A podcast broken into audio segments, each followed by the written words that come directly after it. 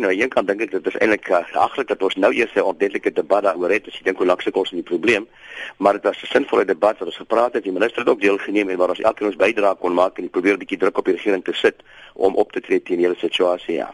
Daar is ook dan nou die prokureur wat 'n klag by die openbare beskermer gaan maak het oor die feit dat hy sê dat Sandparke en en die departement nie genoeg doen om hierdie renosterstroopprys stop te sit nie. Jy weet hy sê byvoorbeeld die hakkejag operasie daai wat jy nou oor grens gaan, ja. jy weet dit moet gebeur want Mosambiek respekteer nie ons reëls nie. Wel kom ek sê ek weet nie vir die politieke partye verskil daaroor. Die Vryheidsfront Plus ondersteun hom met die hele gedagte van hakkejag. Jy weet ons het baie idealisties hierdie oorgrens nasionale park nou gestig wat baie mooi idealisties was maar ons betaal 'n reuse prys daarvoor.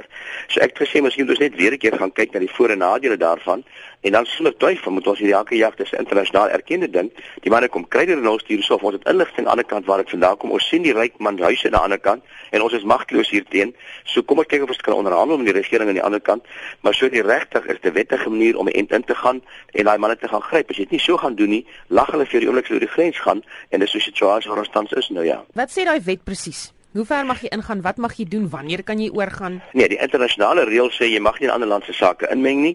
So jy mag net op jou grens gaan en sodra jy oor die grens gaan, meng jy in 'n ander land se sake nou daar oor jare internasionale reg veral rondom terrorisme ontstaan. Wat hulle dan nou noem hakkejag het eintlik wat beteken jy kan wel en daar's internasionale uitsprake in die hof daaroor 'n billike entjie 10 km, 15 km wat ook al as billike entjie ingaan om so iets op te volg. Dis nie ideaal nie, die beste is om met Mosambiek te onderhandel en oor en weer 'n inkomste kan maak, maar internasionale reg sê dis wel moontlik en ek dink ons moet net die moed hê om te sê man ons gaan dit nou doen. Ons kan nie langer vir mooi praatjies wag nie. Dink jy daar word te veel mooi praatjies gemaak en intussen bloei ons renosters? Wel die feit is net ek het gister uh, Dr. Ian Player geprys en ek het gesê weet ons is amper aan die einde van ons renoster. Daar was iets so 80 nie, nie syfer nie in die 80 en 85 jarige was hulle amper tot nie die wit renosters.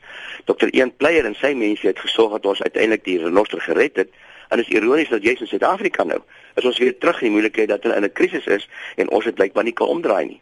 Nou ek het 'n paar goed genoem. Die een daarvan is die buiteland is 'n groot probleem. Ons moet buitelandse opvoeding gee en dis deel van ons taak en ek het verwys na die minister van Vietnam waar ek as 'n jonkminister met haar gesprek gevoer het en op die agenda gesit het renosterstroping.